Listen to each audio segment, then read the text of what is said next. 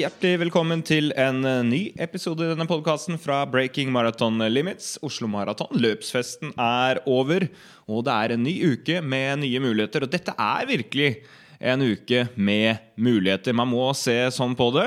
Det er en avgjørende uke på veldig mange fronter. For det første så begynner VM i Doha.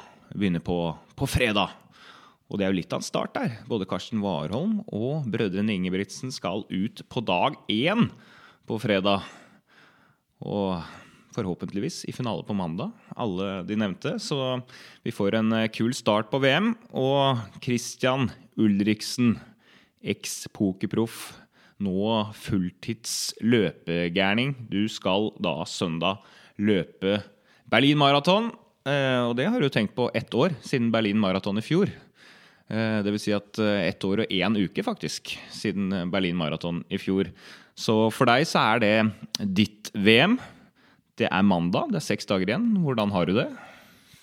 Nei, det er jo det som er bra med Berlin. Det kommer en gang i året. VM det kan være litt eh, sjeldnere for dem på toppnivået, men VM for oss amatører, det er i Berlin. Og der er det bare å være forberedt. For den følelsen jeg hadde i fjor der, når jeg ja, litt skuffende sprang inn på, på 2,24 med en blytung siste 10 km, det var ja, det var ett år til neste gang vi kunne stå i Berlin, og det føltes ganske bittert der og da, for da følte jeg blåste en, en bra sjanse til å springe ned mot uh, personlig rekord. Ja, Det blir spennende å se. Det er uh, mange nordmenn som skal ha aksjon i Berlin. Det er et par uh, internasjonale stjerner òg. Jeg tipper Kenny Nisa Bekele er ganske spent før sitt konkurransecomeback. Men vi kan jo ikke sitte her og snakke om å være best når det gjelder, uten å invitere noen som faktisk har forsøkt å løpe på sitt beste i VM, i EM, i eh, det som er. Sindre Burås, eh, velkommen. Ja, takk for det. Takk for det. Hyggelig å bli invitert i denne settingen. Det setter jeg veldig stor pris på. Ja, særlig mye når vi sitter i stua di, så er det hyggelig at jeg ønsker deg velkommen. det er bra.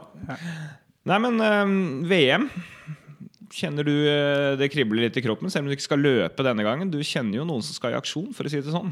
Ja, det, dette VM-et er uh, Dette er høydepunktet i min, uh, min levetid, sånn som jeg husker friidrett. Her er det det er ikke bare én nordmenn, nordmann som kan måte hevde seg greit i, i, i noen øvelser. Er det mange nordmenn som kan hevde seg mye og påvirke, påvirke løp og hele mesterskap. Og så klart eh, spesielt eh, mest interessert i det som foregår på to runder og lenger, jeg, jeg personlig. Men, eh, men, det er godbiter på, på alle måter. Ja, Vi gleder oss, og vi ser jo på Instagram og diverse feeder at uh, veldig mange har ankommet Doha. Det er mange som ligger i harde forberedelser nå. Selv drar jeg ned i morgen og skal gjøre mine forberedelser til å snakke. Heldigvis ikke løpe. Det hadde ikke gått spesielt bra i det selskapet der. Men Kristian, seks dager igjen nå. Merker du litt på kroppen at du er inne i siste uka? Kjenner du litt ekstra på beina og alt nå?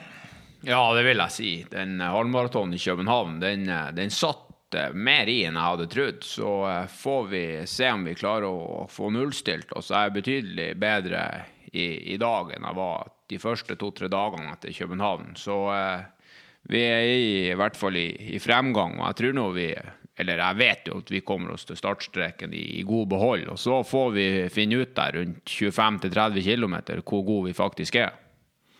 Ja, Vi kan jo gå gjennom uh, den treninga du skal gjøre denne siste uken mot maraton. Det er jo en, uh, en, uke hvor vi får veldig mange spørsmål om uh, hvordan man bør trene. Det er jo ikke noe fasit på det, men du har jo løpt noen ganger. Og du har altså Sondre Nordstad Moen, Europas nest raskeste maratonløper noensinne, som trener. Han har satt opp programmet, så da vil det være interessant å høre hvordan det er. Ja, men det programmet er ganske enkelt og ganske likt for de aller fleste, uansett nivå. Den der siste uka da handler det først og fremst om å bygge overskudd og forberede seg. Så mandag ei økt 45 minutter. Tirsdag ei økt 45 minutter. Onsdag da er det den eneste intervallen, og det er tre ganger to kilometer på maratonfart. Torsdag ei økt 45 minutter. Fredag reiser vi til Berlin, så reiser på morgenen. Så da kan det ta 20 minutter eller et eller annet sånt og bare få løpt litt når du kommer ned, bare for å få reisen ut av kroppen. Og eh, lørdag ja, 15-20 minutter og noe stigningsløp, og søndag så smeller startskuddet. Så da du må få jogga en 5-10 minutter, og kjørt noen stigningsløp før løpet begynner. Og så er det å ja, stramme seg opp både fysisk og mentalt og være tålmodig i starten. Og så finner man eh, rimelig fort ut hvilken gruppe man skal ligge med, og, og at man treffer på farta. Så eh, får vi, får vi se hvor god man er der når vi nærmer oss 30-35 km. Det blir spennende. Jeg har hørt lignende treningsuker fra deg før. Du har ikke gjort noen store forandringer, egentlig. da. Det vi kan si, er at du ofte har løpt tre ganger to kilometer på den onsdagen eh, med et par minutter pause i, i maratonfart. Nå er det fem kilometer sammenhengende. Eh, hva tenker du om det? Nei, det er litt samme økt, da. Altså, om du springer tre ganger to kilometer, eller om du springer to ganger tre eller tre ganger to, det spiller for så vidt ikke all verden med, med rolle. Du må prøve å gjøre ei økt der du simulerer den farta du skal springe på, og så må du få gjennomført det. Om du kjører fem kilometer sammenhengende, eller to ganger tre eller tre ganger to, det tror jeg ikke har all verden å si. Ellers er det sånn at du løper jo ofte to økter om dagen, eh, og ofte så, så beholder man jo antallet økter og går ned på, på volum. Men du har kuttet en del økter òg, da, den siste uka. Ja, du kutter egentlig på alt. altså. Inn mot maraton er jo hovedfokus å stille opp med, med gode, freshe bein og fysisk og mentalt overskudd. Så mentalt overskudd er sikkert verdt like mye som det fysiske. Så tror vi får prøve å skru av mobiltelefonen fra tirsdag eller noe sånt. Ja, det er det dummeste jeg har hørt. Det kommer du aldri til å klare. du får ringe Katrine hvis du skal ha tak i meg. Jeg skal nok få tak i det. Men uh, Sindre, uh, du har trent noen, uh, noen siste uker før, før, mesterskap før. Hva sier du om uka til Kristian? Jeg syns det høres fornuftig ut. og det er klart det er For mange som hører på, så har de kanskje, trener de kanskje ikke like mye som Kristian til vanlig, så mange kan uh, også unne seg en helt hviledag, tenker jeg da.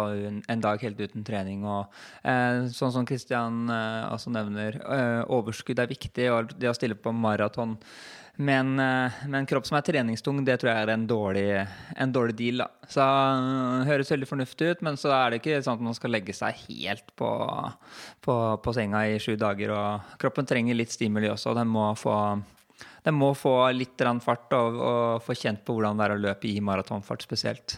Og kanskje noen stigningsløp for å, for å bevare litt spenning. Litt, eh, litt tension må man ha i muskulaturen selv om man skal ut og løpe maraton.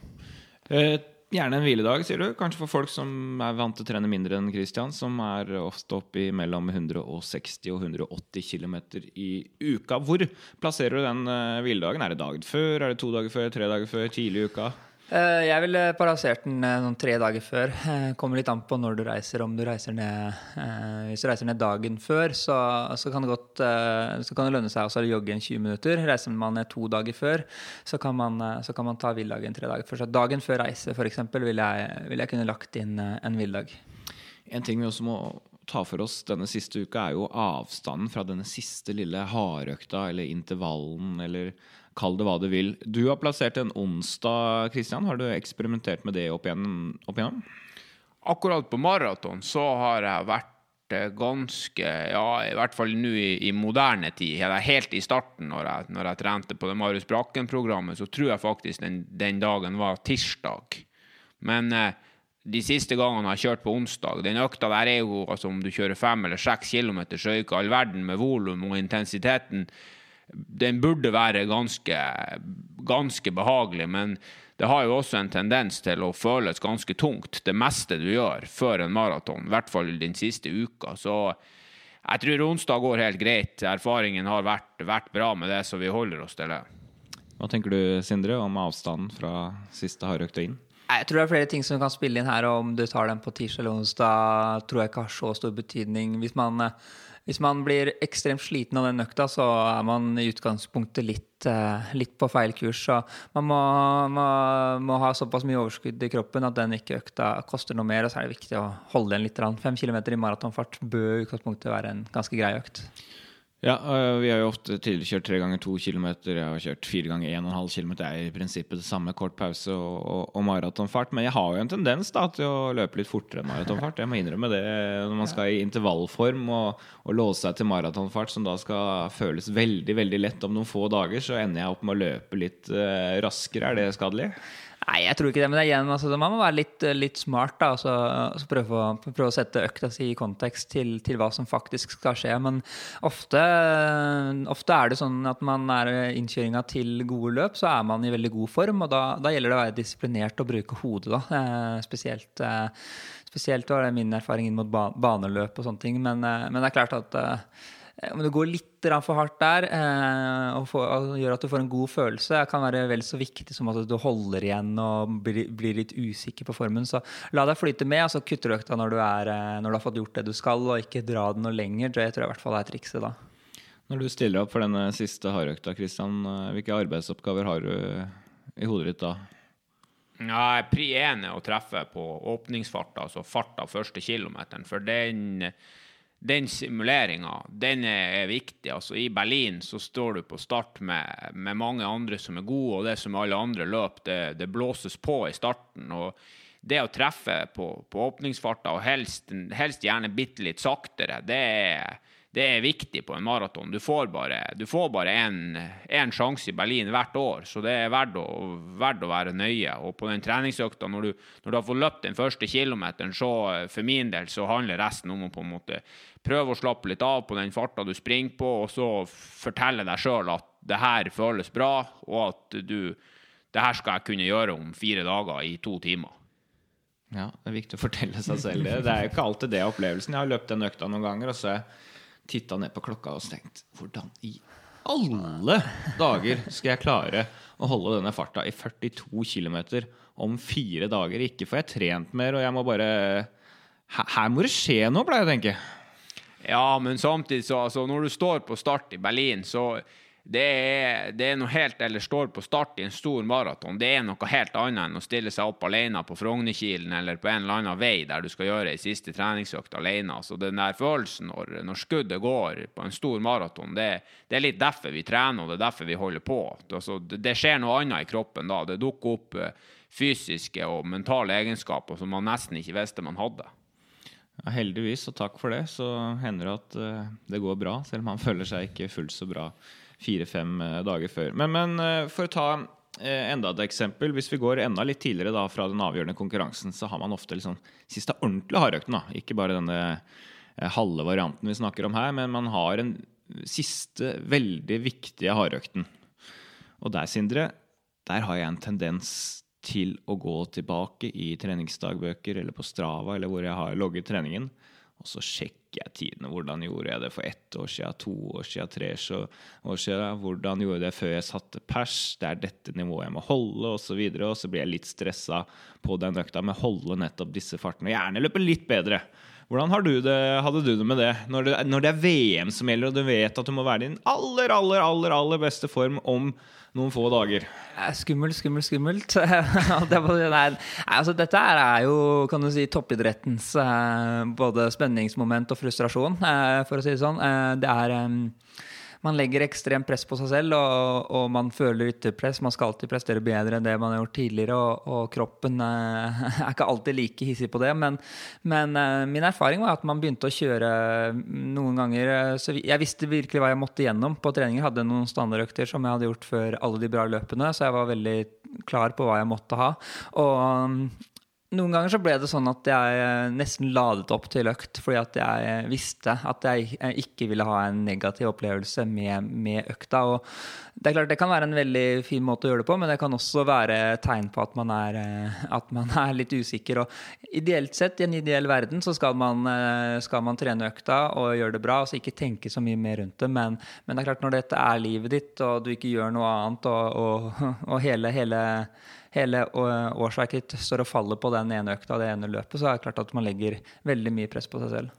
Ja, ja Hvor gode, gode, svar gir da den siste økta? Hvor viktig er det at det går bra, da? Nei, det er klart Når jeg løper fire ganger 1000 med to minutts pause og skal løpe 5000 meter en uke seinere, så er jo det, det er praktisk talt det samme som å løpe en konkurranse.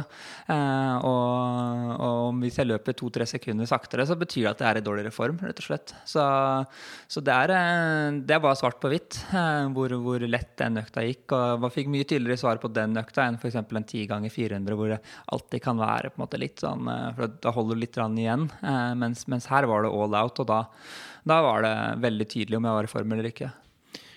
Og du er jo sånn skrudd sammen, du òg, som de fleste av oss, at du har jo ikke glemt hva du løp på fire ganger 1000 foran forrige VM, foran persen året før, eller dette veit du utmerket godt. Ja, jeg vet det veldig godt. Det, det, er kanskje ikke så mange som vet det, men eh, dagen før, faktisk Det var kanskje at det var en tabbe. Dagen før jeg satte meg på flyet til Beijing, så hadde jeg min eh, beste fire ganger tusen-økt eh, noen gang. Så noe skjedde på den uka.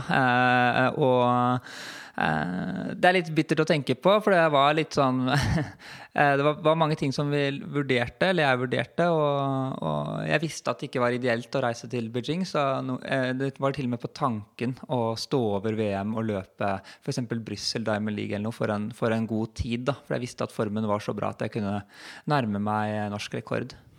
Da skal jeg ta dere litt tilbake i tid, så dere skjønner hva han snakker om. Vi skal til VM i Beijing 2015. Da hadde Sindre to år tidligere gått til finalen i Moskva. Eh, hadde et veldig bra år. Kvalifiserte seg til finalen. Fikk eh, løpe VM-finale mot Mo Farah og, og co. Og hadde selvfølgelig det som mål også to år senere. Eh, løper denne meget gode økta, den beste fire ganger 1000 i sitt liv, rett før avreise til Beijing, som er lovlig sent. Det er jo en tidsforskjell der. Det var litt varmere i Beijing enn det er rundt i Oslo by. En annen luftfuktighet. og det endte ikke spesielt bra, selv om generalprøven var bra den gangen. Så du har jo opplevd eh, både at det går bra i VM, og at det ikke går fullt så bra i forhold til forventningene. Absolutt. Um ja, det er jo en del av toppidrettsutøverens liv. Man ønsker så klart å unngå sånne opplevelser, men, eh, men det, dessverre så er det sånn at det går tungt noen ganger. Og man gjorde rett og slett en feilvurdering i, i spesielt Jeg tror det var både varmeakklimatisering og tids, eh, tidssonen. Eh, jeg var veldig bestemt på at jeg skulle gjennom en høydeopphold eh, og ville være hjemme i trentene i, i, eh, i, kjente omgivelser eh, i perioden etter løpet. Og da strakk rett og slett ikke tiden til mellom, eh, mellom hoisten, et høydeopphold, tiden hjemme og så riktig akklimatisering i Beijing. Så det var alltid Det ville gått på bekostning av noe, og vi får aldri vite svaret på hva som var det ideelle, men, men Eh, den vurderingen jeg, jeg, står på på den vurderingen jeg gjorde, ut ifra de, de, forholdene som lå til rette for, eh, for pre-camp og sånne ting. Så det var rett og slett en, eh, et litt for uproft opplegg i mange ledd, og meg selv inkludert, som, som gjorde at resultatene uteble. Over til deg igjen, Christian. For den siste avgjørende økta, eller sånn ordentlig hardøkta du var igjennom, det var egentlig København halvmaraton. Ofte har det kanskje vært en hard langtur, da. Ca. to uker før. og det er en sånn økt jeg alltid er meget spent på. Det Det er jo sånn at som, som Sindre sier, at jeg nesten lader litt ekstra opp. Jeg er ekstra nøye med kosthold, jeg er ekstra nøye med å få sove nok, for jeg vet at det svaret på den siste harde langturen, eller uh, halvmaraton i dette tilfellet, den, det, det, setter seg fast i hodet. Um, og sier noe om til og med åpningsfarta man skal ha i Berlin. Hvordan har du det foran en sånn type økt, du? Nei, det er jo rett det du sier. Det har jo ofte vært eh, 30 km på en eh, ja, en eh, starta ti sekunder over maratonfart, og så ideelt jobba seg ned, ikke helt ned til maratonfarta, men noen sekunder over maratonfart mot slutten. Så det har òg vært en, en, stor fordel. Det har vært mange fordeler med selvfølgelig å ha en Sondre her med på, på veien, men det har òg vært en stor fordel med at man ikke har vært sin egen trener, er at denne gangen har jeg fått mange andre økter enn jeg har gjort før, så sammenligningsgrunnlaget i år er egentlig en del dårligere enn det har vært tidligere. Spesielt den der 2017-sesongen inn mot Berlin der jeg springer 2.22,30. Der, der var jeg jo Der gjorde jeg var min egen trener. Jeg var inne og sjekka litt hva folk jeg syns trente fornuftig og var god, gjorde, og så kopierte jeg litt økter og tilpassa farta til mitt eget nivå. Når jeg prøvde å gjøre det samme året etter, så var det litt sånn som dere var inne på i sted. Det ble sånn en konstant jag etter å ha de samme øktene, og så helst bitte litt bedre økter hver gang enn det året før. Jeg vet ikke om det til syvende og sist hadde så mye å si, men jeg fikk i hvert fall eh, oftere en litt sånn negative tilbakemeldinger enn det jeg har fått nå. Nå har jeg egentlig gjort det han Sondre har sagt, og jeg har trent helt andre økter som jeg ikke har sammenligningsgrunnlag mot. Så jeg, har vært Altså, jeg har jo hatt et ja jeg, hadde, ja, jeg vil jo si at jeg har hatt en, en, tanke om hvor jeg har stått fysisk, men jeg har ikke kunnet sammenligne på samme måten som jeg kunne gjort tidligere. Og det tror jeg faktisk har vært en fordel. ja, det er greit å kanskje ikke gjøre akkurat det samme. Men, men det er jo ofte sånn, spesielt i baneverdenen, for de som skal løpe VM nå, at det er samme økter som går igjen. Jeg har uh, vært på pressekonferanse med brødrene Ingebrigtsen før et mesterskap før, jeg, og da er det ofte sånn at når ting har gått bra, da refereres det til en 10 ganger 300 meter økt. Eh, hvis den økta har gått bra, da har det gått bedre enn noensinne, og det er de og de tidene og de og de laktatverdiene, og de er, de er oppesen hvis den der økten har gått bra. Hvis den ikke har gått så bra, så hører man kanskje ikke så mye offentlig om, om uh, den økta. Men, men, selv på det nivået uh, Brødrene Ingebrigtsen som nå er i Roma, så har de sikkert gjennomført en sånn økt i den perioden her. De er opphengt av, av tider, de òg. Absolutt. Kanskje de mer enn noen andre. Og de eh, vet akkurat hva de gjorde på. Det er ført inn i skjemaet Vjert og har stålkontroll på tidene også hver enkelt tid i økta, så det er lett å analysere. Og jeg tror også de har en kommentar på vind og vær, eh, så der er det veldig lite som, eh, som du kan diskutere. Der, der er det deg sjøl mot krokka, løper du saktere, så er du i dårligere form. Også. Så klart hvordan man går inn i økta, man er veldig sliten, og sånn, men, men det altså skal ikke så mye til å ha kontroll på. Så eh, det kan være en superfordel, og det kan være en, eh, en, eh, en, litt ulempe man har som utøver når man løper friidrett. At man har ekstremt godt sammenligningsgrunnlag. Og det kan være, det kan være rett og slett litt Ja, man må bruke det på riktig måte, rett og slett, for å, for å kunne ta de signalene på best mulig måte.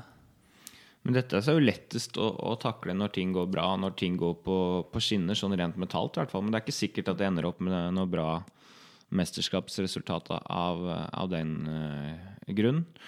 Kristian, uh, du, du, skulle jo kjøre en hardøkt her um, på lørdag. Um, åtte dager før. Den var ikke så viktig som halvmaraton, som gikk seks dager før det igjen, men uh, en betydelig økt skulle du gjennom. Um, tre ganger seks kilometer.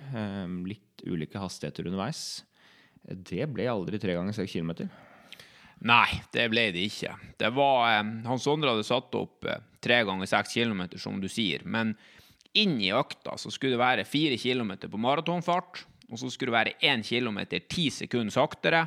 Og så skulle den siste kilometeren gå 10-15 sekunder fortere enn maratonfart.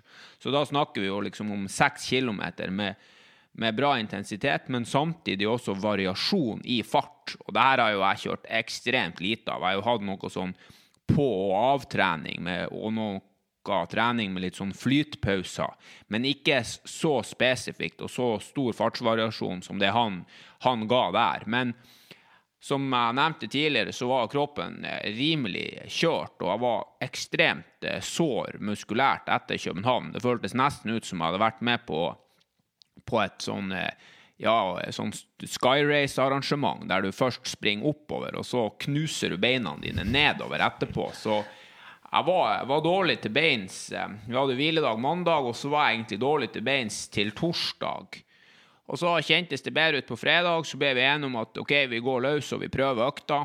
Jeg kjente jo allerede på oppvarminga på lørdag at det her blir tungt. Liksom, du, du kjører, prøvde å kjøre to ganger to minutter, og du føles ut som du skal slite deg i hjel for å springe på, på 20 sekunder over maratonfart, og da vet du egentlig at det her blir et blodslit. Men jeg har jo vært sliten mange ganger før, så jeg, jeg prøvde jo å, å, starte økta og se litt hvordan, hvordan kroppen fungerte. og Jeg merka sånn pluss-minus etter tre kilometer på det første draget at jeg var nødt til å tilpasse litt. Så i stedet for å kjøre tre ganger seks kilometer, så kjørte jeg seks kilometer, tre kilometer, to kilometer og én kilometer. Eh, jeg avslutta egentlig med en, med en, bedre følelse enn jeg starta med, så, så jeg er for så vidt glad for at jeg kjørte økta, og så er jeg òg glad for at jeg, at jeg, evner å justere. Men eh, det er aldri helt optimalt å, å måtte bytte om åtte dager før ditt eget VM. Nei, eh, Vi har jo vært kjent for å være ganske ærlige i, i denne podkasten. Det skal vi fortsette å være. Og, og, hvis jeg skal være dønn ærlig med deg, så er det noe av det dårligste jeg har sett deg gjøre på ja, over et halvt år. Eh, rett og slett. Sindre ler nå, men, eh, men det, er, det, er, fakta. Eh, og så kan vi ha grunner til det. Men det er altså åtte dager til du skal flyte rundt, helst i 3.20-fart, og du syns det er slitsomt å løpe 3-4 km i fart som er litt saktere enn det. og ja, Hvordan har du med det?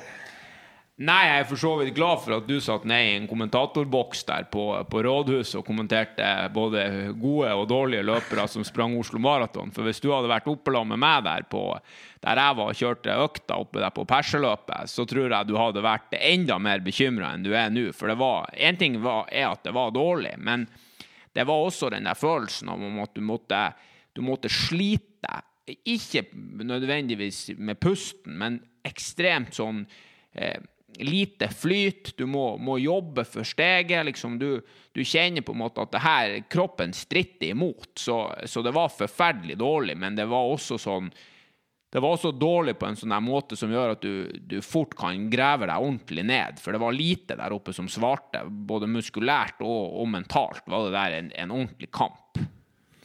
Ja. Uh, hva har du tenkt i ettertid? For én ting er der og da. Er du trygg på at dette er det sånn skal det være nå?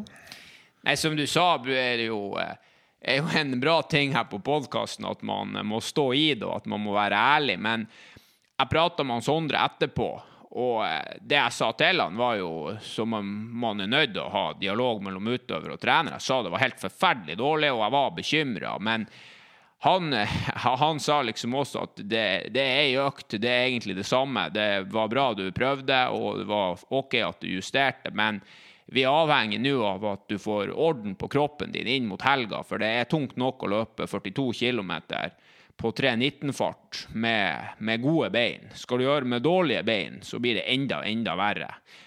Når det er sagt, så jeg tror at hvis jeg får eh, en maks dag i Berlin, så kan jeg springe godt uh, ned på 2.19-tallet. Jeg vet at jeg aldri springer på 2.18 uansett.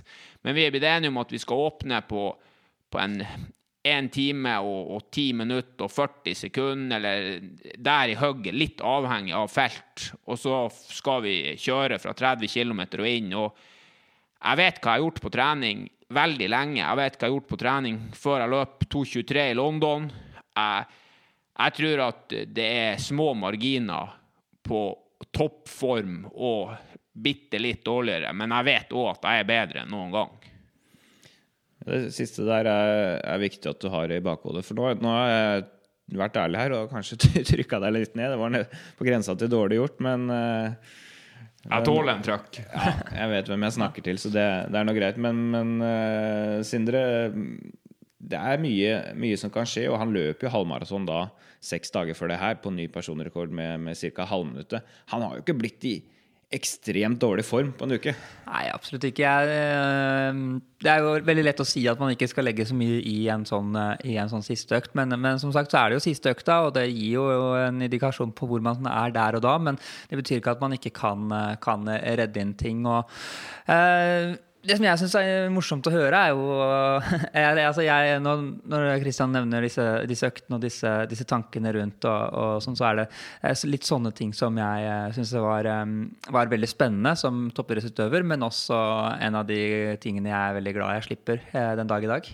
Eh, for det er, det er rett og slett en tøff påkjenning, og når dette er livet ditt, så blir det en det blir på en måte en kamp mot, eh, mot, deg selv, og du legger et ekstremt press på deg sjøl. Og du vil gjøre det bra på økter og på, og på konkurranse. Og man må stå i det. og Jo mer, jo mer proff man er, jo mer tid har man til å reflektere og tenke, tenke over det man, det man, driver med. Og da, da, kan det rett og slett være det, det, er en, det, er en, eh, tøff ting. Og det å være idrettsutøver på det nivået etter hvert er, er, på en måte ikke for hvem som helst. Man må, man må, man må kunne stole på seg selv og, og bruke eh, bruke økter på riktig måte. For det er mye tid til å tenke, og det er mye tid til å bli frustrert. Og man kan nesten eh, bli, bli slite seg selv ut med å, med å uh, reflektere veldig mye over treningen. Altså, det, er en, det, er en, påkjenning, og det er en utrolig spennende kamp. Men, men også, også, viktig å, å, prøve å distansere seg litt fra, fra, det som man har gjort på trening inn mot konkurranse. Da skal jeg komme med en påstand her. Jeg vet jo at OL og VM det er noe, det er noe særegent, og noe vi mosjonister aldri får oppleve på, på, på, kroppen. Men jeg vil si at det å være maratonløper, da, som i hvert fall supermosjonist, hvor du bare løper én til to i året, og hvor du legger ned en betydelig innsats, i Kristians tilfelle da 160 og 180 km i uka, i lang, lang tid det er det nærmeste han kommer å få oppleve dette med, med VM og OL. For da begynner det å personlig å bli viktig. Det er jo ikke en hel nasjon som kommer til å bli skuffa om han ikke løper på 2.19, 2.20 eller 2.21, men jeg vet han blir skuffa selv. Um, så jeg føler at det er ett løp. One shot, one opportunity. Den gjelder også på, på det nivået her, da. Jeg vet ikke hvor, Klarer å sette ord på hvor viktig det er for deg, Kristian? Hvis du tenker tilbake på det du har gjort det siste året. Du har vært rimelig opphengt i å løpe, iallfall. Ja da, det har man. Men eh, altså, har et, det er jo ikke sånn at jeg skal, eh, skal delta her sånn eh, som det siste løpet i mitt liv. Men det er klart at jo mer du legger ned av, av arbeid, uavhengig av hva du holder på med, jo, måte, jo større blir forventningen til deg sjøl òg. Og når det er sagt, så det om vi har en podkast, og for det om det er mange som følger med, så vet jeg jo at to uker etter Berlin, så er det strengt tatt kanskje ikke så mange andre enn meg og deg og ja, det spørs til og med om samboeren min som egentlig bryr seg.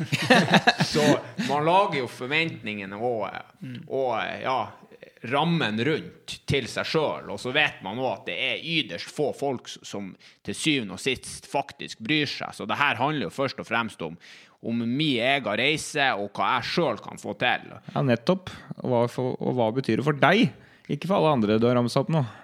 Nei, det betyr jo mye for meg. Hvor mye det betyr, det vet jeg jo ikke. Altså, det er jo ikke, det er jo ikke Jeg har jo ikke hele livet på en måte på line her. Og det er jo ikke sånn at det skjer noen vesentlige endring om jeg springer på, på 2.25 eller om jeg springer på 2.19. Men jeg har jo løpt fort, eller løpt 2.22 før. Og da visste jeg, når jeg kom i mål, at det går an å springe fortere. Jeg, jeg må bare gjenskape en del av det jeg gjorde da, og så må jeg på en måte vise meg sjøl at jeg er så sterk som jeg mener sjøl jeg er. Og så er det også noe med å rapportere til en mann som du vet legger absolutt hele livet sitt i det. Altså Når jeg hadde min økt på, på lørdag, så har han liksom 40 km alene i Sestriere. Det er begrensa for hvor grinete du kan, kan, være når du skal fortelle han Sondre hvor det har gått. Og jeg så hvordan han var etter København. Han springer 1 time og 20 sekunder og er helt knust. Så det gjør også noe med, med det hele.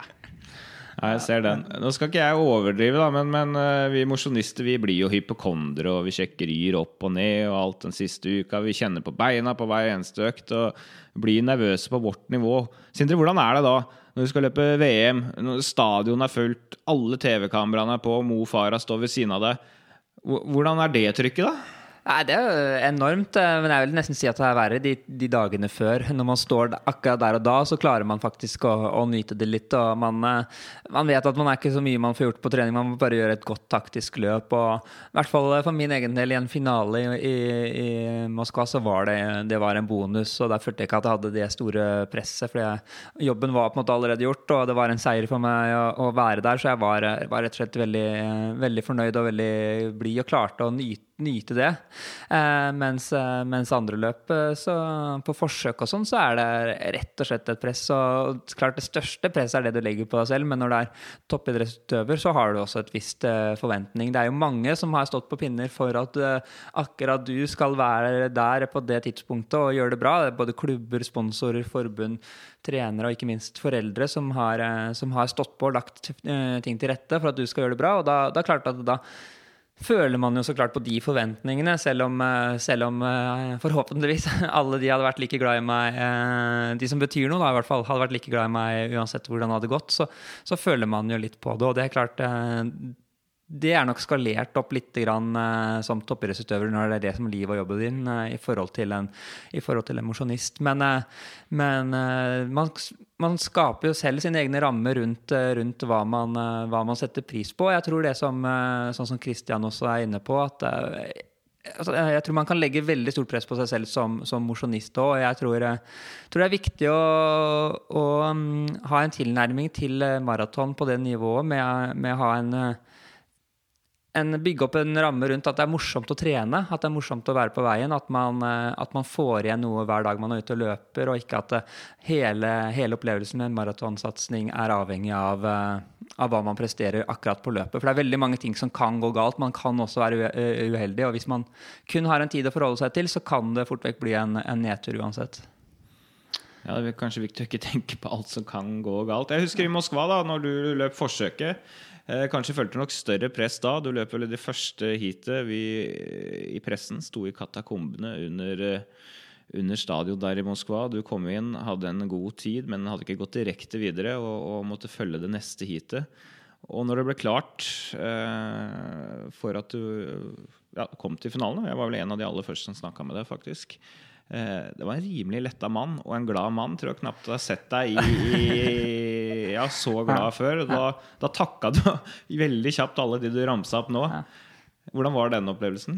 Nei, Det var et, en fantastisk opplevelse. Jeg var, var, jo på gråten. og Jeg er en følelses, uh, følelsesperson på, på, godt og vondt. Og det var, det var, det var mye, mye, slit og mye hardt arbeid som kom ut i, en smell. og jeg hadde jobba for finale, det var det som var målet. og Jeg følte jeg hadde gjort et kjempegodt løp, og jeg følte jeg for, fortjente en finaleplass. og da, da, var det jo ekstra eh, gøy å gjøre det på den måten også. fordi eh, ofte så er det jo det å være første heat i et, eh, i et mesterskap, når det er to heat, eh, og man også går videre på tid, så er ikke det noe gunstig utgangspunkt. og Vi hadde løpt et noenlunde taktisk løp, og det var mulig for mange av de som løp i heat nummer to også, å å, å, løpe på de tidene. Eh, men, eh, men eh, løp på 13.26 med en avslutning på 2.32 siste 1000, tror jeg det var. Og, og, følte at jeg hadde fått ut det jeg var god for. Og, og da var det rett og slett veldig mange som sleit i heat nummer to. Og da å få de resultatene inn, da,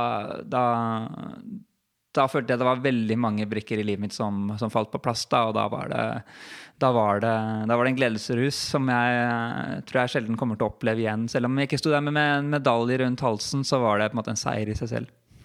Ja, og, og, dette med gledesrus og emosjoner tror jeg vi er på jakt etter uh, uansett om vi skal løpe VM eller OL. Vi har noen sånne minner fra, fra, fra gode ting etter et løp hvor det bruser i kroppen, endorfiner. og Eh, jeg tror at du er litt på jakt etter det igjen, Kristian. Det er ikke så lett å se på deg når du er glad etter løp, men eh, det har brust godt i Berlin et par ganger, og det er vel den følelsen du håper å ha på søndag òg? Ja, det er helt klart et eh, det er jo et jag etter en eller annen sånn følelse, både fysisk og mentalt, som det for min del er veldig vanskelig å, å skape på en annen arena. Men vi skal også huske på at forskjellen på når du og jeg springer i, i Berlin eller i Chicago, er òg at vi er så langt unna vårt makspotensial som idrettsutøver, uavhengig av hva vi tror, tror eller ei. Altså Når han Sindre, eller for så vidt han, han godeste Vemund Rodal, når han Rodal vinner OL-gullet i Atlanta, så vet han òg at han har trent nesten sammenhengende i, i to-tre år her, uten omtrent å stått over ei økt. Han har nesten fått ut absolutt alt og det er fire år til neste OL. Han vet liksom at sjansen for å gjenskape det han har gjort, er nesten umulig. Den sjansen Jeg vet innerst inne at jeg kan trene ufattelig mye bedre enn det jeg gjør i dag. Så jeg vet òg at ja, det her er viktig her og nå, men jeg vet òg at det kommer løp der jeg blir å være bedre. Det kommer løp der presset blir å være overfor meg sjøl blir å være enda større, for jeg blir å ha lagt enda mer i det. Så samtidig så Ja, det er viktig nå, men det er et, et ledd mot forhåpentligvis noe som, som, blir å gå fortere og være bedre seinere. Ja, det du snakker om nå, er litt interessant. fordi at uh, jeg føler at uh, mosjonister, meg selv inkludert, er på et nivå der man ofte får igjen for innsatsen. Det er sånn at man øker treningsinnsatsen og blir mer seriøs, så vil man også bli bedre. Der Sindre var, var det lagt ned så stor innsats over så mange år. Det var maksimalisert eh, i lange perioder. Og ingen selvfølge om han dro til litt ekstra, om han ble bedre i det hele tatt. Mens du er akkurat der i skjæringspunktet. Du har kanskje vært der hvor vi andre er, eh, hvor det har vært en selvfølge å bli bedre hvis du løper mer, hvis du blir mer seriøs, spiser bedre, sover mer osv. Men nå er du blitt såpass god at selv om du har uppa gamet, som det heter på godt norsk, så er det ikke en garanti for at du løper fortere. Jo, det er helt sikkert. Nei, jeg, jeg, føler du har vært mer seriøs enn noen gang i år. Jeg, og, og, kanskje løper du et minutt eller to bedre enn persen, men det vet vi ikke her vi sitter. Og, og hadde du vært i min situasjon og gjort det samme, så hadde du persa med sju-åtte minutter. Og, og, der er en forskjell, og der er en usikkerhet som, som Sindre har følt på. Absolutt. Og det der er, eh, det der er jo um, toppidrettsutøverne det, det, Eller skal jeg si Jeg føler at, ikke alltid at det kommer så godt frem. Fordi, eller Gjert sier det vel kanskje så vidt til Team Ingebrigtsen at det, Eh, hadde det vært sånn at du sto om morgenen klokka åtte og løp, og løp igjen på ettermiddagen, så, så hadde det vært veldig mange som var gode. Eh, og du kommer til et visst punkt hvor du ikke får trent så mye mer, og det handler om å optimalisere alt det andre. Og der blir det etter hvert en evig kamp mot kroppen. Man må dra på behandling, man må spise riktig, man må legge press på seg sånn og sånn, og man skal uh, sove sånn og sånn. Og så, og så, er det hele tiden skal optimalisere treninga. Du kjenner noe i leggen, du må ringe fysioen fordi du skal opp helst før klinikken klinikken åpner dagen etterpå, så skal du ha en time for at leggen din er sånn og sånn. Og det er, det er den kampen der da, etter hvert som man, som man, møter. Og utrolig mye å hente, men samtidig så er det en frustrasjon i det. Man skulle ønske at man bare kunne skrudd til treninga mye, lett, mye mer, for det er litt lettere å forholde seg til. Da. Bare å trene hardere og hardere og hardere. Men etter hvert så kommer man til et punkt hvor det ikke lar seg gjøre, så du må optimalisere alt det andre. da. Det er der litt av spenningen i idretten ligger. da, Kristian. Eh, nå sitter vi her, og vi er ikke 100 sikre på at du kommer til å sette pers. Vi, vi, vi tror det, og vi, vi håper det. Men eh, det er jo den X-faktoren som gjør at man eh, forhåpentligvis har møtt mer motstand på veien, og som gjør at man kanskje blir enda gladere hvis det går bra. Jo da, og så er jeg, av og til også ufattelig glad for at det er maraton jeg springer òg. For altså når vi snakker om prestasjoner på, på 5000, og på 1500 og på 800, så er det veldig mange eksterne faktorer som du ikke er din egen herre over. Altså I Berlin så springer vi på en firefelts motorvei. Du, det, det, er helt begrensa hva slags ulykke som kan skje. Det kommer ikke en engelskmann som plutselig bøller deg inn til lista. Altså Alle de der tingene som, som er på det absolutte toppnivået på banen, der du har den andre risikoen, den er helt borte i maraton. Maraton er, er stein rettferdig, og på vårt nivå, som du sa i sted, så er ofte det likhetstegn mellom treningsinnsats og resultat. Og der er jo jeg òg i dag. Så kan vi jo diskutere oss grønn i om, om, hva jeg springer på. Heldigvis får vi svar om sju dager. Men, men at det går an å bli mye bedre altså, Det er ikke sånn at jeg går rundt og tror at jeg er god å springe. Jeg vet hva folk sprang på på 80-tallet, med full jobb, med grinete kjerringer og med unger. Og det var fullt av folk som sprang på 2.17 og 2.18. Altså, grunnen for at vi er steine dårlige nå, det er for at vi trener for få år, og vi gjør for mye annet som tar altfor mye energi. Ja, og så handler det jo litt om bakgrunn osv. Nå er det ganske mange som syns at du løper bra ut fra de forutsetningene du har hatt og den karrieren du har hatt. Men, altså akkurat det der. Nå har han Renato vært her i helga. Prøvd hatt foredrag for Oslo Maraton av Renato Canova, da, treneren til hans Sondre. Så var jeg ute og spiste med han en dag. Altså, han forteller om taxisjåfører i Italia som i en alder av par og 30 starter å trene, springer på 2,40 og gjør en sinnssyk jobb. Tre år senere springer på 2,15. Ja, så alt er mulig. Og hvis du gjør det, så kan du plutselig få en EM-start for Norge, men eh, da må du trene et par år til. Iallfall ett. du skal i hvert fall trene seks dager til, og så skal vi springe i Berlin. For det blir bra uansett. Men la oss snakke litt om konkurranseeffekten, for det syns jeg er, er, litt interessant eh, selv på mitt nivå. For nå løp jeg i København her for uh, litt over en uke siden og hadde ikke konkurrert ordentlig på ett og et halvt år. Og da syns jeg det er litt vanskelig. Folk spør meg hva har du tenkt å løpe på. Nei, trening er sånn og sånn, men nå har jeg ikke løpt konkurranse på ett og et halvt år. Pleier å gå litt bedre i konkurranse enn på trening, da, men hvor mye bedre er vanskelig å si. Og så gjør man ting i konkurranse man ikke er i nærheten av å gjøre på trening. Jeg hadde ikke sett for meg de kilometerne i det hele tatt. Og så kom jeg tilbake på trening noen fem dager etterpå og klarer jo ikke å løpe 1000-meterdrag ned på den farta jeg hadde 21 strake kilometer. Altså, den der effekten der eh, Magisk når den virker, eh, og når den kommer, men hvordan har du opplevd det der løftet, trening kontra konkurranse, Sindre, på ditt nivå? Jeg har blitt forbløffa av meg sjøl. Stort sett så, på at jeg har prestert mye bedre på, på, konkurranse enn på trening. Og det er også mot andre utøvere, som når jeg gikk langrenn bl.a., som gikk, ble gått fra på intervaller, og så uka etterpå så, så parkerte jeg de på på skirenn. Og det, jeg tror det er litt forskjellig. Litt talent der, kanskje, hvordan man skrur sammen oppi topplokket, og kanskje hva man legger i hver økt. Da. Jeg har alltid sett på trening som trening og konkurranse som konkurranse, og at det der, trening er et ledd for å gjøre gode konkurranser. Det er i hvert fall det, det grunnprinsippet jeg har hatt. Og så Eh, men det er sånn som du sier, altså, jeg har vært, vært på økter på NIH-banen eh, hvor jeg bare Dette her, dette, dette, kommer aldri til å gå. Jeg sliter med å gjøre 64-runder på, på 400-meteren, og da har jeg ett minutt pause, og så skal jeg løpe fire kilometer, og så skal, og så skal jeg liksom løpe den farta sammenhengende i 5000 meter.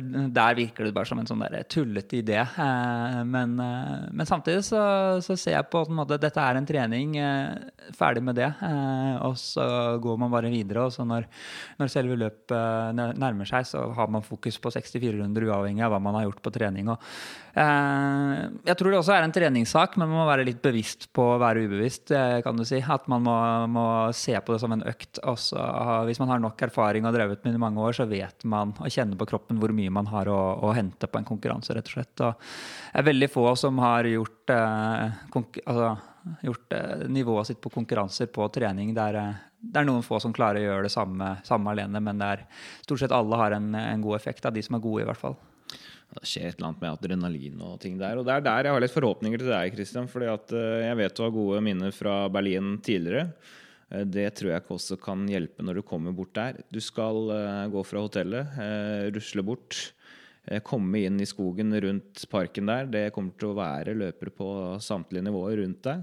Og så går du inn i startfeltet. Hvis du da tar deg tid til å snu deg, prøve å kikke litt bakover mot Brandenburger Tor, så står det 40 000 i ryggen på deg. Fem meter foran deg, foran deg står Kenenisa Bekele, som har vunnet eh, tilitersbøtte med VM og OL-gull. Um, du kommer til å se rett på Sigersøyle i rundkjøringa én km foran deg. Forhåpentligvis er det litt uh, lett sol, bra temperatur. Um, da skjer det et eller annet i kroppen din. Og når jeg ser eh, hva du har gjort på trening på ditt beste Jeg er jo ikke tvil om at dette kan, eh, kan gå bra, men jeg har forhåpninger til det løftet du ofte har fått der i Berlin tidligere. Håper du har det selv òg. Ja, jeg skal ikke si at det løftet der må, må, være større denne gangen enn noen gang. For det, for det er ikke helt sant. Jeg har, jeg har, løpt utenom i fjor som kanskje var sånn ja, Vi skal ikke si at det var dårlig, men kanskje det var sånn 90% løp. Så har jeg jo levert 100-110 av, av egen kapasitet de, de tre årene før. og nå står vi heldigvis på, på startstreken i Berlin for femte året på rad. Vi er skadefri. Og jeg har trent Jeg har trent bra. Om jeg har trent bra nok, det får vi, får vi svaret på. Men at jeg er nødt til å gjøre noe som jeg har slitt med å gjøre på trening, det sier seg sjøl. Altså det, det, det, du skal simulere på trening, er trening. Og det du gjør på en maraton fra 30 km til målstreken, det får du Jeg vil ikke si at det er helt umulig å trene på det, men det er veldig, veldig vanskelig å simulere den den mentale prosessen du må igjennom der, det å, det å stå de siste tolv kilometerne i en maraton, det gjør du ikke på trening. Det gjør du i konkurransen. Det er en annen ting som er interessant. Jeg vet ikke hvordan det har vært på ditt nivå, Sindre, men jeg, jeg er ofte nervøs for konkurranse. Kanskje ikke først og fremst pga. resultatet, men for jeg vet at det kommer til å gjøre forferdelig vondt. Jeg, jeg, jeg frykter litt smerten og er nervøs for det. Ja. Har det bekymra deg på noe tidspunkt selv foran viktige konkurranser, eller er det ikke en ikke-faktor? Ikke nevneverdig. Jeg skulle løpe en Jeg var faktisk påmeldt eh, og løp eh, halvmaraton i Lisboa et år. Eh, det var der eh, tidligere verdensrekorden til Tadesse var. Eh, og hadde forberedt meg ja, passe bra. Eh, jakta rett og slett den norske rekorden. Eh, og hadde gjort den 20 ganger 1000 under på Bislett eh, uka før. Eh, og jeg syns det var ubehagelig. Eh, så det er, et de, det er et av de få hvor jeg har grua meg til til denne vonde opplevelsen. Og, og vondt ble det òg.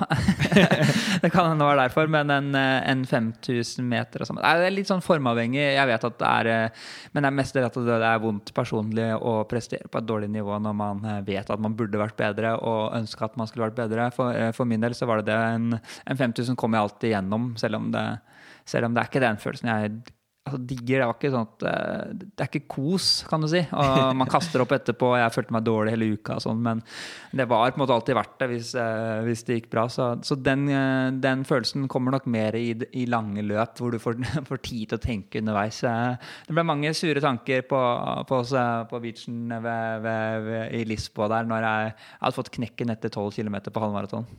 Det er en sak jeg har lurt på, Sindre. Nå er vi så heldige å, å være både god kompis og ha deg med her på podkasten. Men du har jo vært på et skyhøyt nivå, og du har vært på et habilt, ganske dårlig mosjonistnivå. Hva er egentlig tyngst, altså? Når du, når du Glem de der toppløpene, for da, da er du jo på en endorfinrus uansett. Men et, et, dårlig løp på toppnivå kontra et dårlig løp nå når du er i dårlig form, hva du føler sjøl liksom, er, er, det hardeste fysisk og mentalt? Liksom? Nei, altså det er, eh, det er, eh, to helt forskjellige ting. Eh, når jeg gjorde dårlig løp, og veldig dårlig løp, på, på toppnivå, og når jeg, når jeg, virkelig prøvde, så var det mm, det var, så, altså det var ikke å løpe 5000 meter på 14 blank når jeg hadde mål om å løpe på 13,20. Det, det var ikke så fysisk vondt nødvendigvis, men det var en eller annen frustrasjon og noe i hodet som, eh, som, var veldig ubehagelig. Og jeg ble frustrert og følte på en måte at alt, eh, alt falt i grus, kontra, kontra, Moskva, hvor alle brikkene falt på plass. Og det var store kontraster i det, og mer det at man blir litt oppgitt over seg sjøl, og man vet at man har gjort feil, eh, feil i forberedelsene og feil i treninga. og Man har seg sjøl å takke, og, og, og, så vet man innerst inne at den sesongen ryker nesten uansett, men så prøver man og prøver man og prøver man, og så får man kjipe på kjipe beskjeder.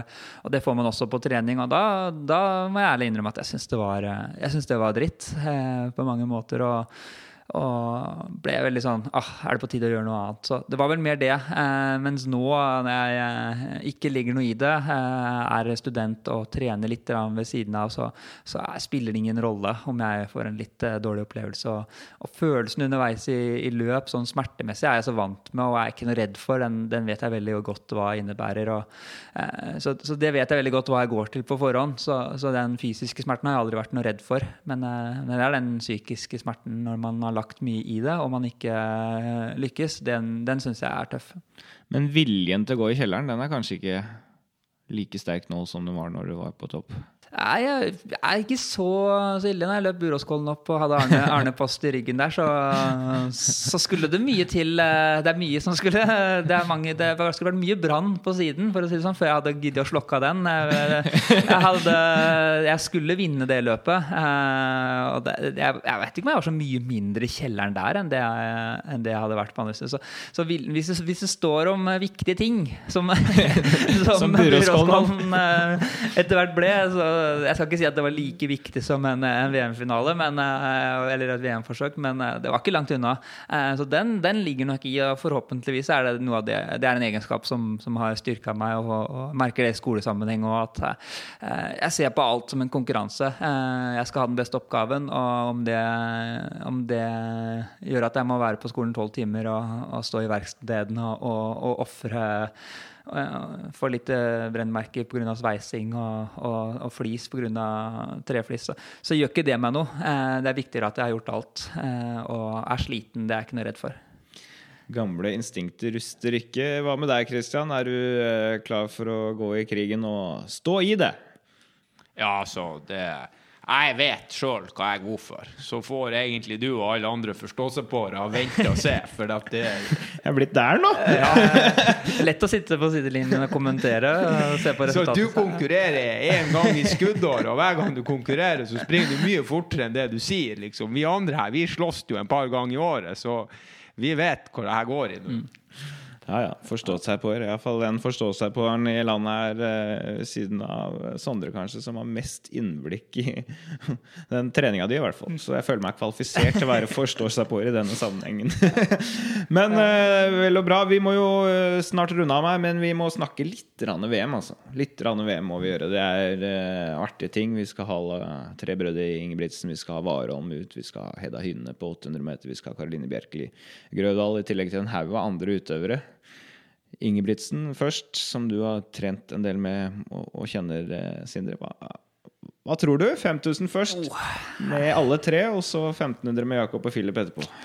Nei, det er eh, Det er eh, Tenk om vi hadde fått tre nordmenn i en finale eh, på 5000. Det er ikke mange europeiske land. Eh, utenom, eh, alle utenom afrikanske land som har hatt. Og selv ikke noe selvfølge for Etiopia og Kenya å stille med fullt mannskap i en finale. Og vi har potensialet til det. Det står og faller litt på at Henrik, Henrik har truffet med treninga og er, eh, er, skadefri og fått gjort det han skal. Men eh, han er i utgangspunktet god nok. Han er, god, han er en, en løper som er god i et forsøk. Han har en, eh, han har en bra spurt og en bra kondis. er en bra miks for et 5000 meter forsøk. Og Jakob vil jeg si er eh, selvsagt til finalen. Og, og Philip også, hvis han havner rett hit og gjør et godt et, et taktisk løp, så er han absolutt en helt klar og helt finalekandidat. Og så blir det spennende å se hvordan de takler eventuelt uh, to løp. Henrik er jo ferdig etter, etter, etter maks to løp, men, uh, men uh, Philip og Jakob skal gjennom tre runder på 1500 òg. og det, det, er klart at fem løp på mesterskapet der er, er røft, og da å prestere maks på siste 1500 meter er er noe kun Jakob og Philip kan klare. I hvert fall i sånn norsk og europeisk målestokk. Det, det, koster mye fysisk og mentalt. Og, og det blir spennende å se. Jeg gleder meg. Jeg tror, eh, jeg tror det blir medaljer, for å si det sånn. Og 1500-meteren, der, der, er det virkelig muligheter. 5000-meter blir veldig spennende. Og jeg tror absolutt Jakob, eh, sånn som han løp i London, eh, kan hamle opp med de aller beste etiopierne. Hva tror du, Kristian? Du pleier ikke å snakke om bare finaleplasser, du. Du legger lista høyt når det gjelder andre. Ja, jeg er litt bekymra med tanke på at guttene skal tross alt springe fem løp her. Jeg jeg tror at han Jakob har størst sjanse på 5000, litt, selvfølgelig litt pga. konkurrentene. Jeg er spent på han Filip på 5000 og han Henrik. Jeg tror alle tre går til finalen, og så er jeg litt spent på hva som skjer. Eh, jeg skal ikke gå så langt som å si at jeg tror guttene sier fra seg en medaljemulighet på 1500 med å velge 5000, for at de, har, de, er, de er best trent i de feltene der, så de kan stå fem løp. Men problemet på den der 1500-meteren er at du møter en par mann her som har enorme fartsressurser. Så hvis de løpene der går rolig, så tror jeg at da skal de slite med å ta medalje på 1500. Men hvis det går fort, så kan det være at det går. Jeg hadde kanskje håpa at han Jakob hadde droppa 1500, og at han Filip hadde droppa 5000. Da tror jeg sjansen for de ypperste medaljene hadde vært bitte litt større. 5000 går først, så Jakob har jo en fair mulighet der. Det jeg vil si om 5000, da, for det første, Henrik Historisk så har det vært sånn at rundt Hvis du holder 13-20-nivå, da, er i god nok form til å løpe 13-20, så har du en fair mulighet til å ta seg til finale. Han har løpt 13-15, og hvis han er tilbake på det nivået, og med hans hode som er veldig god på mye av det vi snakka om i dag. Han er ofte best når det gjelder. Eh, medaljene har jo rast inn i EM, eh, f.eks.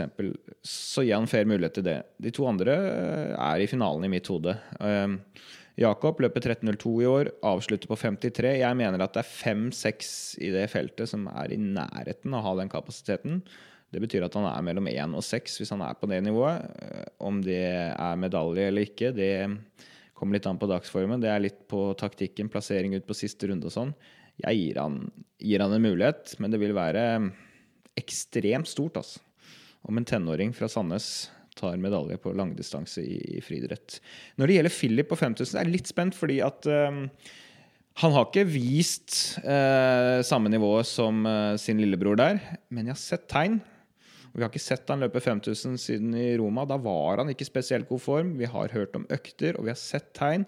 F.eks. den siste 1000-meteren på EM for lag i Sandnes. Som, jeg, jeg, tror ikke han er veldig, veldig mye dårligere enn Jakob. Og hvis de finner på å løpe ganske rolig fra start, så tror jeg hans mulighet øker. Og da kan han være en joker som de andre kanskje ikke har regna med.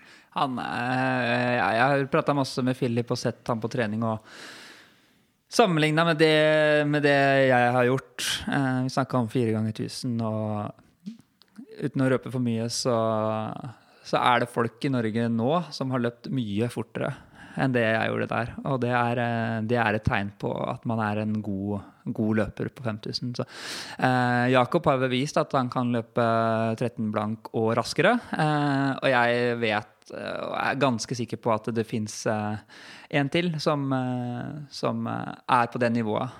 Og når Philip, som løper 3,30 på 1500 meter, er god i lureløp også kan holde det nivået, så, så er han en joker. Og, det, og, han har en kjempefordel der. Han kan snike seg med i et forsøk ganske greit uten å bruke for mye krefter. Han er god taktisk. Han, kan, han er en type som kan klare å telle folk og løpe, komme med på tid med minst mulig innsats.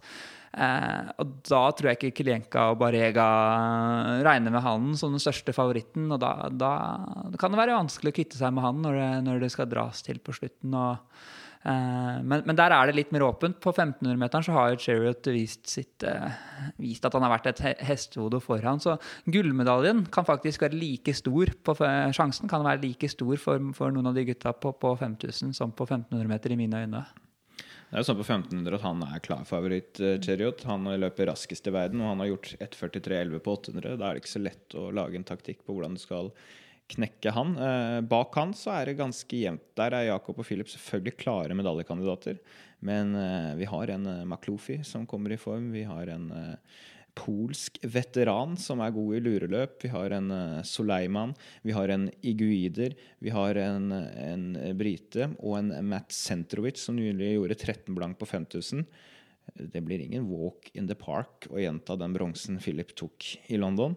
Men, uh, men gutta må da ha en mulighet. Absolutt. Og du må bare være nøye på forsøk og semi. og det kommer til å skje et eller annet. Eh, det er mange løp, det er mange armer og bein, og det er mange som skal kjempe om plassen. Og historisk sett så, så, så har vi hatt uhell eh, med de norske utøverne. og det, det, blir, det, blir, viktig i dette mesterskapet. For her, er, her, forvent, her, altså sånn, her forventes det medaljer, med, kanskje mest fra dem selv. Og da, da, er man avhengig av å komme i mål uh, uten å ha falt underveis. Og det man, man, eh, skal også bruke så lite krefter som mulig, så det blir en taktisk utfordring i, eh, i, hvert fall i semifinalen på 1500 meter. Der er det, det blir viktig å løpe billigst mulig, men allikevel være sikker på å komme seg videre. Og, eh, disse tingene her blir, blir, veldig avgjørende. Heldigvis så har vi flere kort. Eh, før så hadde vi bare Henrik. Nå har vi i hvert fall to til på 1500 meter og tre på 5000. Så heldigvis litt flere kort å spille på. Vi håper en, en, av dem i hvert fall har en eh, topp, topp dag. Første finale er 5000 da eh, førstkommende mandag. Den dagen er også finale på 400 hekk. Karsten Warholm, Rai Benjamin, Abderrahman Samba. Hva tror du, Kristian? Nei, i den grad vi prater om, om reelle gullmuligheter så vil jeg jo si at han eh, godeste Karsten Warholm er den som har størst sjanse. Altså Den kontinuiteten han har levert, og den evnen til å prestere på sitt absolutt beste nivå når det gjelder, den, der er han sinnssykt rå. Verdensrekord har ingen anelse om hva det kreves. Jeg vet bare at de nærmer seg, og jeg vet at han Warholm blir bedre fra hvert løp. Hva han Samba holder på med, om han har ligget hjemme og trent og trent og spissa form, eller om han rett og slett har hatt trøbbel. Ingen som vet. At han Benjamin er svingod, det vet vi. Altså, Han kom nesten rett fra flyet til Brussel. Han, han har enda mer å gå på. Ja, Spørsmålet er faktisk om det kreves verdensrekord for å ta det gullet der. Det, det kan skje. Det er litt tidlig å si. De skal jo løpe noen runder først, de òg. Men forholdene blir gode og, og bedre enn antagelig Karsten Warhall har løpt i år. Og Ray Benjamin har nok litt å gå på etter sitt 46-98-løp, så Uh. Men vi er jo kommet i en fantastisk situasjon i Norge nå. Vi snakker ikke om EM, nå snakker vi om VM i friidrett. Vi snakker om tre mann på 5000 meter. I mitt hode så er 5000 meter det, for menn den absolutt vanskeligste distansen å ta medalje i òg. Altså. Og vi, vi, vi, har gode forhåpninger, og vi har mange utøvere på mange distanser. Liksom. Det, det, nivået vi er på nå, har vi aldri vært i nærheten av. Nei, ikke på løp. Og vi har et par spennende løper på kvinnesiden nå. Hedda Hynne. Mange gode plasseringer i år, og, og, nivået på 800 er ikke det samme etter at denne testosteronregelen har eh, kommet.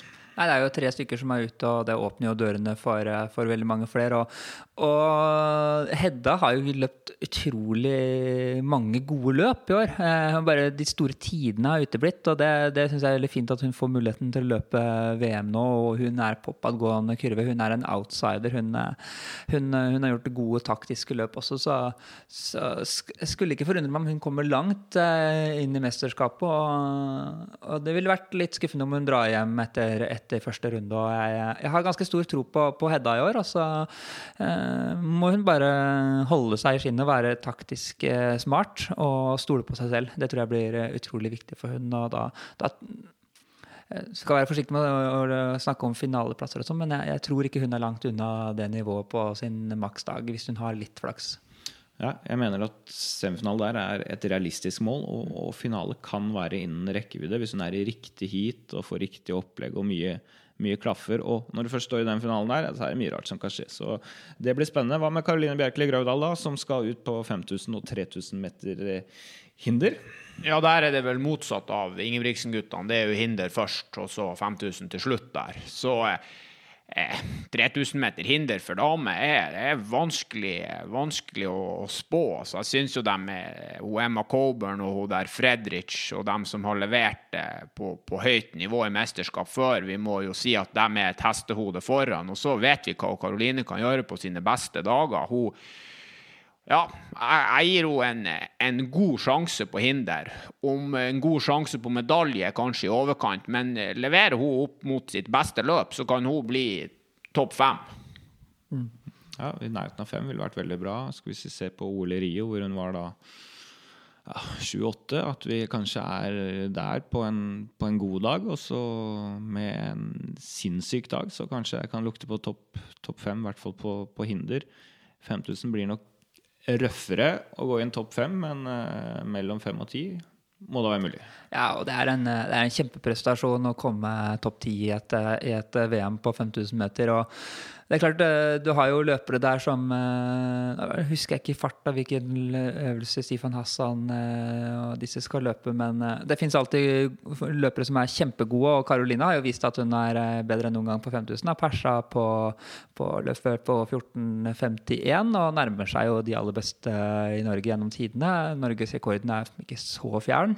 Og, og har jo masse erfaring nå fra mesterskap og kan gjøre gode taktiske løp. Så hun kan komme gjennom et forsøk ganske bra, men der også har hun jo da, eh, hvis alt går etter planen, eh, så er 5000 meter-finalen det fjerde løpet. Og det også kan sitte i to 3000 meter hinder, ett 5000 meter-forsøk. Så det samme for henne som for Jakob og Philip spesielt. Og for så vidt Karsten Warholm, som skal løpe 400 flat etter 400 meter hekk. Men, men det er klart at disse har jo sin største sjanse på slutten av mesterskapet, så gjelder det å gjøre alt riktig underveis og, og rett og slett være kynisk på, på forsøksside og der hvor man kan spare krefter. Ja, Dette blir eh, superinteressant. Altså, vi er inne i en veldig spennende uke. VM-start eh, fredag førstkommende, hvis du hører dette ganske like etter at episoden kom ut. Og så er det da Berlin Maraton på, på søndag. Det er bare å knyte skoa, folkens, og følge med. Eh, følg med på våre sosiale kanaler. Der skal du nok finne ut av hvordan det gikk med unge lovende Ulriksen i, i Berlin. Så får vi andre bare krysse fingra. Ønske deg lykke til. Jo takk, og så må vi nesten ønske han sånn rå lykke til på den 10 000-meteren. For det om det er langt opp og frem, så eh, får vi se hva han kan levere, han òg. Ja, vi får prøve å komme en episode til før, før det også. Um, for det er jo det fine. Dette er en uke med veldig mange spørsmål. Neste uke har vi litt flere svar. Hvem var best når det virkelig gjaldt? Vi høres.